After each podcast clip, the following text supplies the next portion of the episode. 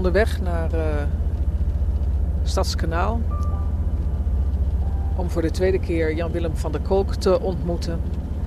En te spreken over uh, het fenomeen T. Brouwer. We hebben daar afgesproken met zijn zoon. De zoon van T. Brouwer die is 91 jaar oud. En uh, wordt door zijn dochter naar Stadskanaal gebracht. Nog een hele rit vanuit Ermelo. In ieder geval hoop ik een boel te weten te komen over wat hij zich zoal herinnert van zijn vader uit de oorlogsjaren vooral. Ik ben ook benieuwd naar wat voor impact de verzetsactiviteiten van T. Brouwer eigenlijk op de jonge Ari gehad hebben en op het gezin Brouwer. Hoeveel tijd gaat er eigenlijk in zitten? Al dat vergaderen, houden van toespraken en het bijwonen van illegale vergaderingen. Waar soms hele lange fietstochten dwars door heel Nederland voor nodig waren. Nou ja, de praktische kant ervan eigenlijk.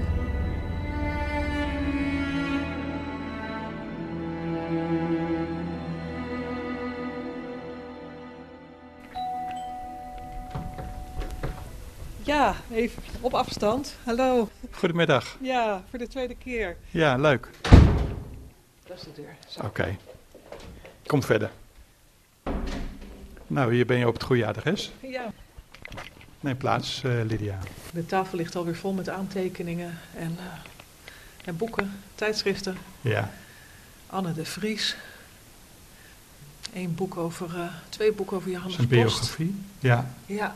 Omdat daar fragmenten uit deze boeken ook in het artikel zijn verwerkt. Hè? Ja. Die draaien dan om T. Brouwer. En dat, ja, dit is ook eigenlijk een aanleiding geweest en de kapstok geweest voor het schrijven van het artikel. Ja, en dan moeten we ook een beetje uitkijken hè, dat, dat Johannes Post met zijn grote statuur ons uh, verhaal van tien niet, niet overschaduwt. Hè? Dat klopt. Ja, ja want ja, hij stond wel een beetje in de schaduw altijd, die Brouwer. Dus dat was wel een, inherent aan zijn persoon. Alhoewel hij natuurlijk jarenlang bestuurder is geweest. Maar liefst 16 jaar wethouder in Assen, vier jaar gedeputeerde en ook voedselcommissaris. Maar hij was toch uh, iemand die ook tegelijkertijd graag in de schaduw stond. Zaken wilde organiseren en uh, adviezen gaf vooral. Nou, hij was iemand die niks moest hebben van wapens. En da daar kon hij zich helemaal geen voorstelling bij maken. Dat je daar gebruik van zou gaan maken. Dus hij was echt iemand die uh, niks had met, met geweld nee. en met wapengekletter. Alles behalve. Hij was iemand van, een, van het zuivere woord, om het maar zo te noemen. Ja, een organisator, ja. man achter de schermen, adviseur. Ja, klopt. Ja, en niet zozeer iemand die zich opwierp.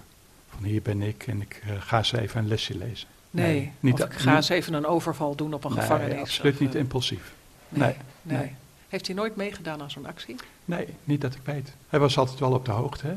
Voor de oorlog al uh, spraken ze al over wat er allemaal zou kunnen komen door het uh, nationaal socialisme. Uh, ook in Assen ontmoette hij al Johannes Post, Jan Smallebroek en dergelijke. Dus hij heeft alles al meegemaakt en veel meegekregen. Maar hij heeft altijd een rol gespeeld in de organisatie. Dus hij is een tijdje vanuit Assen naar Den Haag gegaan. Daar was hij ook actief. En hij, hij bood daar ook altijd een adres aan verzetsmensen die gewoon van hot naar her gingen. Oh, die ergens moesten logeren, verblijven? Ja, en daar was Johannes Post ook iemand van. Die, die verbleef dan daar en dan daar. Ja. En als die, soms was hij in Rijnsburg hè, bij zijn broer, maar hij was ook regelmatig bij Tiep Brouwer in Den Haag. Ja. En daar overnachtte hij dan. En soms ook zelfs met zijn echtgenoot. Ook belangrijk, hè? Dat mensen een plek hebben waar ze veilig uh, onderdak kunnen vinden natuurlijk. Ja, in zo'n ja, tijd. Ja. Zeg maar, um, we zitten alweer te praten over Tiep Brouwer, want er valt zoveel over te vertellen. Maar um, we zitten eigenlijk te wachten. Straks komt, uh, komt Arie Brouwer, zijn, uh, zijn zoon. Ja. Wat, wat gaan we doen vandaag? Nou, we gaan in ieder geval met Arie spreken. Hij weet zich nog heel veel te herinneren. Dus hij is ook echt een getuige geweest van, van wat zich daar heeft afgespeeld in Assen en in Den Haag. En uh, als Arie eenmaal los is, dan, dan weet hij zich steeds meer te herinneren. Dat is ja. wel heel erg bijzonder en ook heel erg aardig. Ja. Hij is inmiddels 91. Maar hij is zich heel nadrukkelijk bezig gehouden met, met onderzoek naar het, van de historie en het verleden, ook van zijn vader En het is mooi dat hij dat nu gaat vertellen. En hij moet een eind reizen hè, om hier te komen? Ja, hij woont nu in Ermelo. En hij komt samen met een dochter hier naar Stadskanaal. Ja, hij wil het ook heel graag. Dus dat is heel mooi. Oké, en, en, en wat, uh, hoe moet ik met hem omgaan? Wat, wat is het voor type man? Nou, laat hem maar vertellen. Hij moet even de tijd hebben als hij vertelt. Dan komt hij wel. Oké. Ja, ja. Kijk, daar gaat de bel. Volgens Ja. mij is die daar. Ik hoor het, ja. Ik loop even met je mee, want dat moeten we natuurlijk ook even... eh, Goed.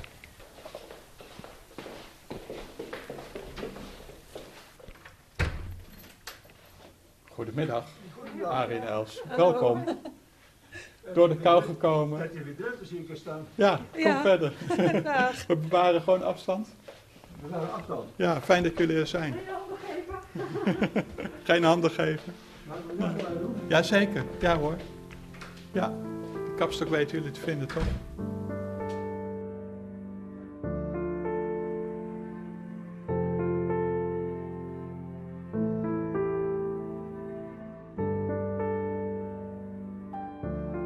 Zoon Arie blijkt een uitzonderlijk fitte negentiger. Wel bespraakt, alles goed op een rijtje. Een grote man. Ik ben 1,80 lang, maar hij torent boven me uit. Als ik bezorgd informeer of hij misschien even een middagdutje zou moeten doen, na die lange reis en om fris te zijn voor het interview, lacht hij me vierkant uit. Middagdutjes, daar heeft hij nog nooit aan gedaan.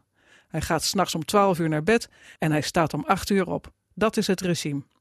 Hij heeft een boekwerk met knipsels bij zich. Allerlei briefjes, notities, drukwerkjes, artikelen, keurig ingeplakt. Allemaal documenten van zijn vader, die ook hieruit weer tevoorschijn komt als een man die korte metten maakt met de uitingen van het fascisme.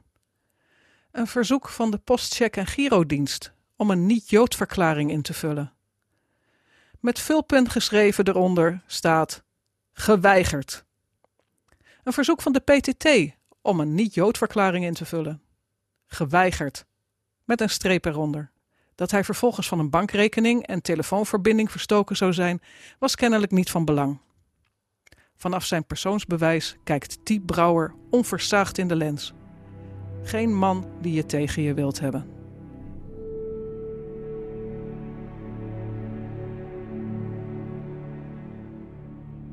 Nou, we hebben eh, de thee op tafel staan en we hebben een lekkere cake gehad. En eh, meneer Brouwer die is ook een beetje, een beetje aangekomen nu in, eh, hier in eh, Stadskanaal. En we hebben ook al een beetje, een beetje kennis gemaakt. En eh, ja, eigenlijk, eh, het, het is, u, u, u staat volop in de belangstelling nu, maar eigenlijk, eigenlijk gaat het over uw vader, hè? Ja. Ja. De, in grote lijnen, eh, als je nou met een paar steekwoorden zo'n man zou moeten omschrijven, wat, wat was hij voor man? Ja, wat was mijn vader voor een man? Eh, ja, hij was altijd, eh, altijd met de politiek en met, met de kerk bezig. Dus hij was avond en avond was hij op stap, maar de weekenden was hij altijd uit. Dus zaterdagsavond en zondagsavond, dan was, eh, dat was een geweldige avond altijd in onze familie. Spelletjes, ik mocht ook graag spelletjes doen. En ik kan me van de zondagavond nog wel herinneren dat we dan van, eh, na het eten, dan gingen we een uur zingen uit Johannes de Heer. En mijn, mijn vader speelde orgel, maar mijn moeder speelde ook orgel. Mijn moeder speelde zelfs kerkorgel. En mijn moeder die moest van muziek lezen, maar mijn vader die speelde helemaal uit zijn hoofd. Zo. 463. Nou, en dan werd eh, gezang 463 gespeeld. Dat wist je, wist je nog niet, ik wist nog niet eens wat het was, maar Weet u het nu nog? nee, dat doet totaal niet. Wat was zijn lievelingspsalm? Ja, dat weet ik niet. Ze zijn getrouwd eh, met de tekst, eh, Psalm 38, vers 5, geloof ik. Wentel uw weg op de Heer en vertrouw op Hem. Hij zal het maken. Ja, en dat was eigenlijk ook een soort levensmotto van hem. Ja, ja, dat stond op de slaapkamer. Dat was zo'n ouderwetse tekst. Die stond daar. Ja En mijn uw- vader was een hele, mijn moeder ook, waren, hele gelovige mensen. Dus die waren, ja, die waren nou met dat soort dingen bezig.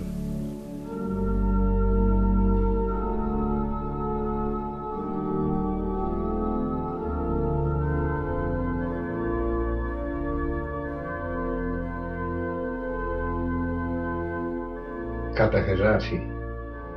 Ik kan me nog herinneren, de eerste klas dat we naar school gingen, toen moesten wij uit een categorisatieboekje, vraagboekje zeiden we dat tegen, van Borsius.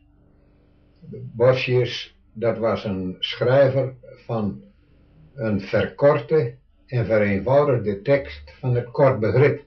Een uittreksel en een uh, samenvatting van de Heidelbergse catechismus, begrijp je wel? En die Heidelbergse catechismus, dat was in zijn woordgebruik, stammend uit een enige honderden jaren geleden, wel eens een beetje moeilijk te verstaan. Vandaar dat er iemand geweest is die heeft het kort begrip uh, uit de catechismus samengesteld. En voor de hele kleintjes was dat nog te moeilijk. En dat kwam Borsius, die ging daar een kort begrip. Ik weet nog wel het eerste, de eerste vraag die daarin gesteld werd in dat, in dat eh, denk van Borsius, dat was, hoeveel goden zijn er? Antwoord één God, drie personen. En het was heel eenvoudig. En dat moesten wij dan leren. Hè?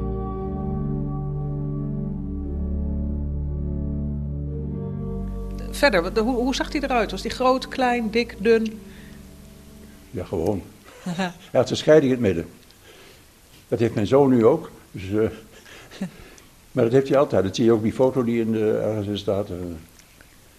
Maar ja, hij was een beetje de man op de achtergrond. Hij was niet... Uh, Kijk, hij heeft heel veel gedaan met Jan Smallebroek, de latere minister van Binnenlandse Zaken. Hè? Dat waren eigenlijk uh, ja, waren vrienden van elkaar. Maar Jan Smallebroek was altijd met altijd veel woorden nodig en die was altijd vooraan. En mijn vader liep vervolgens op de achtergrond. Als er een vergadering was, dan ging hij achteraan zitten. En Jan Smallebroek die zat uh, met... Met de neus vooraan. Maar er was niks mis mee, want ze konden wel heel goed met elkaar overweg. Maar ze hadden een totaal verschillend karakter. Ja, dat was met zijn rol in het verzet eigenlijk ook zo. Hè? Dat hij, uh, hij liep niet, uh, niet vooraan. Hij was niet een, uh, iemand die met het pistool op zak liep. Nee, zeker niet. Hij zou zeker niet, niet gewild hebben wat wij nu aan het doen zijn.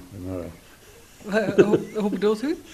Nou, hij wilde, wilde daar niet zo in de publiciteit. Hij kwam natuurlijk wel weer in de publiciteit, maar hij wilde zelf niet op, op de voorgrond, zeg maar. Daar, nee. kwam, daar komt eigenlijk goed naar een commentaar op neer. Ja. Maar hij kon wel, wat hij wel in de oorlog deed, was, was mensen inspireren ervoor. Ja, ja.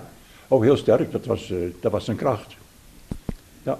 Bent u er wel eens bij geweest, bij zo'n uh, sessie, dat hij uh, de mensen toesprak? Nee, daar ben ik nooit bij geweest. Ik heb dus eigenlijk niet zoveel geweten wat er allemaal in ons huis zich heeft afgespeeld. Nu, nu we met, die, met die artikelen bezig zijn, realiseer ik me pas wat er allemaal niet gebeurd is. Hè? Dat heb ik eigenlijk... Ja, hij praatte daar nooit over. Alleen toen we een paar keer... toen die kleinkinderen wat groter werden, toen hebben we een aantal keren erover gesproken, maar daarna ook eigenlijk niet meer. Nee, uh, want er zijn bandopnamen gemaakt, uh, gesprekken met uw, uw vader. Dat betekent wel dat, uh, dat jullie het belang inzagen van, van zijn verhalen. Ja, wij waren natuurlijk wel heel geïnteresseerd in wat hij allemaal gedaan had. Dus één ding die ik helemaal goed kan herinneren. Ik herinner me dat we toen in de, in de gouverneurlaan woonden. In Den Haag? In Den Haag. Dat op een slaapkamer een koffer stond. En ja, dan was ik zo nieuwsgierig. Ik deed die koffer open en wat zat erin? Revolvers en geweren. Ik schrok me dood. Ik heb hem alweer dicht gedaan. Maar mijn moeder bleek daarmee te lopen. Mijn, mijn, mijn eh, jongste zus was toen twee, drie jaar. Toen liep ze denk ik nog met de kinderwagen. Want die kwamen dan in de kinderwagen, heb ik begrepen. Dus uw, uw ouders waren bezig met uh, activiteiten waar jullie als kinderen niks van wisten? Ja, er speelde, nou, ik weet er dus wel iets van. Uh, er gebeurden dingen in de achterkamer dat ik niet wist wat er gebeurde. Maar dat was dus het verdelen van... Uh, distributiekaarten die ze bij overvallen uh, veroverd hadden. En dan uh, kwamen er ook wel eens mensen aan de deur, die kwamen ze ophalen, denk, dat weet ik niet zeker. Maar ik weet wel dat ze dan een wachtwoord moesten zeggen. Dus dat soort dingen weet ik wel. Trouw hadden we ook. En die ondergrondse kranten, die verstopte ik altijd uh, nou, ergens op een, een, verborgen plaats. Dus. Je wist wel dat ik wist het... er dus kennelijk wel wat van, alleen ja, die andere kinderen waren allemaal een stuk jonger. En er werd ook nooit over gesproken. We hadden ook een Jodin in huis, maar die functioneerde gewoon als, eh, als gezinslid. Dat was eigenlijk, ja. Dat realiseerde je eigenlijk niet. Nee, pas achteraf in perspectief. Ja, achteraf denk je pas, joh, is dat allemaal gebeurd? Ja. Ik had bijvoorbeeld in eh, Den Haag, heel Den Haag, had ik de verspreiding van het illegale trouw. Wat nou dagblad trouw is. Die verschoont in ondergronds. Dat was op zichzelf ook geen eenvoudige zaak. Je moest die dingen in je huis opslaan. En stel je voor dat je vroeg of later een inval kreeg. Maar goed, dat, dat, die kans was nog niet zo groot, maar je moest je toch altijd een beetje in acht nemen. En uh, wij hadden in die jaren een uh, Jodin onderdak te verschaffen. Wij moesten eerst dus weten wat voor een meisje is die, uh, die daar bij ons kwam. Dat moest je ook maar allemaal afvragen. Vroeg was er geen klappen nog aan geïnformeerd. Dat was allemaal in orde, voortreffelijk. Zij had natuurlijk eerst naar ons geïnformeerd, zoals wij. Ja. ja, nou. Nou, ik naar Bergen op Zoom. Ik kwam op het adres. Ze wist dus dat ik kwam. Ik werd daar goed ontvangen. Het was een uh, uitstekend burgerhuis. Prachtig interieur, allemaal goed. Haar man was gearresteerd. Die zat in het ondergrondse werk, hij was een Jood. Die was gearresteerd. En nou was het gevaar groot dat zij ook binnenkort weggehaald zou worden. En uh, blijkbaar heb ik ook enig vertrouwen in haar gekregen. Ik had het verteld hoe ons gezin was enzovoort en wat de bedoeling dan was. En dat ze voor de kinderen niet een, een dienstbode zou zijn, maar juf. Juf. Ook voor de vreemdelingen, hè? Juf. Een flinke meid hoor. Uh, uw vader was, um, heb ik gelezen, ook iemand die graag zaaltjes toesprak om ze een hart onder de riem te steken. Ja, dat is, dat eigenlijk een beetje zijn werk. Hij zei wel eens, ik ben niet geschikt om, uh, een geweer te gebruiken, zeg maar. Maar wat hij wel kon, is de mensen geestelijk toe tot verzet. Dat kon hij dus wel. En zeker toen we nu in, in, die laatste maanden in het noorden zaten, dan ging hij avond en avond soms op stap. En dan had, ging hij naar zogenaamde zendingsbijeenkomsten. Dat, dat soort namen hadden ze daarvoor. En het waren wat kleinere bijeenkomsten, want je mocht niet meer dan 19 mensen bij elkaar zijn. En ja, daar gingen de mensen ja, geestelijk toe te tot verzet. Daar kwam het eigenlijk op neer. Ja. Staatsman Colijn was degene die T. Brouwer inspireerde om, als het ware, de inspirator van het verzet te worden. De Duitse Rijkscommissaris Seyss-Inquart kort na de capitulatie van Nederland dat vergaderingen van meer dan 19 personen verboden werden. Nog voordat deze verordening inging, hield de voorzitter van de anti-revolutionaire partij, waar ook T. Brouwer hoorde, redenvoeringen waar tienduizenden mensen op afkwamen. Dat was geweldig, nimmer gezien. In Amsterdam, daar kwamen 18.000 mensen bijeen, in Leeuwarden 20.000 en in Assen, daar werd een grote tent gebouwd op het marktterrein van 5.000 mensen. Die waren afgeladen vol. Ik zie nog de heer Colijn daar het podium bestijgen, terwijl daar vlak voor hem, daar zaten een aantal Duitse stenotypisten, stenografen, die namen zijn redenvoering woord voor woord op, om te vernemen of hij ook iets zou zeggen dat hem strafwaardig zou maken en dat ze hem lastig zouden vallen. Maar hij trok zich daar niks van aan, hij had niks op papier en hij stond daar zo vrij en frank op het podium. Hij heeft daar een reden gehouden, zo machtig, en daar is gezongen op die vergadering, die Duitsers die waren daar stil van. En die vergadering die heeft een enorme gevolgen gehad, het enthousiasme voor de mensen, ondanks de oorlogsellende, die was zo groot. En uh, die heeft niet stilgezeten, maar die is verder doorgegaan. En die heeft tegen de mensen gezegd, wanneer eventueel daar een gebod komt dat je niet meer die vergaderingen mag houden, die grote vergadering, blijf vergaderen. Mag je niet meer met 19 komen, kom met z'n 19 bij elkaar. En ga vooral aan de orde stellen onderwerpen van onze rijke Nederlandse geschiedenis. En dat heeft mijn vader opgepakt, denk ik. En die uh, is dat toen gaan doen. Ik moet trouwens ook nog van Colijn herinneren dat hij na afloop van die bijeenkomst ging naar het huis van de burgemeester in Assen. En uh, ik, ik, was daarbij op een of andere manier. Hoe, hoe, het komt, weet ik niet precies. En er waren een aantal mensen die eromheen stonden. En toen verscheen Colijn voor de deur en toen gingen ze met, met elkaar gingen we zingen, dat Heere zegen op uw daal. Dat heeft zoveel indruk op me gemaakt toen. Dat was de bemoediging voor die man natuurlijk. Maar goed, dat, daar heeft mijn vader erg door, is hij erg door gestimuleerd, door, door die toespraken van Colijn. T zet dus het werk van Colijn voort. Hij is nu meer dan ooit een man met een missie. Nou, als gevolg van dat optreden van Colijn, dat dorsten wij nimmer te weigeren. Geen van allen, wij zeggen, wij moeten ook doorgaan. toen hadden wij daar in ons huis in de Javastraat, dat was zo'n vergaderhuis ook al die tijd, hadden we vergaderingen van een man of 19. Maar dat was een, een oud herenhuis, grote kamers en suite, met die deuren ertussen, weet je wel. En dan, die, die hele zaal liep vol. Maar dan werd er afgesproken door de voorzitter, die zou, wanneer er verraad kwam, of dat er mensen binnenkwamen die we niet konden vertrouwen, en dan moest je een bepaalde... Dan die suite deuren dicht, moest dus die mochten ze binnen, maar wat doe je hier? Dan moet je niet zeggen, antropogenair wie vergaderen, want dan was je er onmiddellijk bij. Zo hadden de illegaliteit, die had vergadering in Zwolle, en daar hadden ze het parool, als hier iemand binnen komt vallen, dan zijn wij bezig te bespreken de kwestie Schilder. Dat is in de, de 40 jaren is die zaak van professor Schilder zo uitvoerig besproken. Hè? Dat we bezig waren met theologisch debat. En dat, eh, dat heeft schitterende resultaten afgeworpen. Dat, de luisteraars waren zo stom, die tippelden er ook nog in.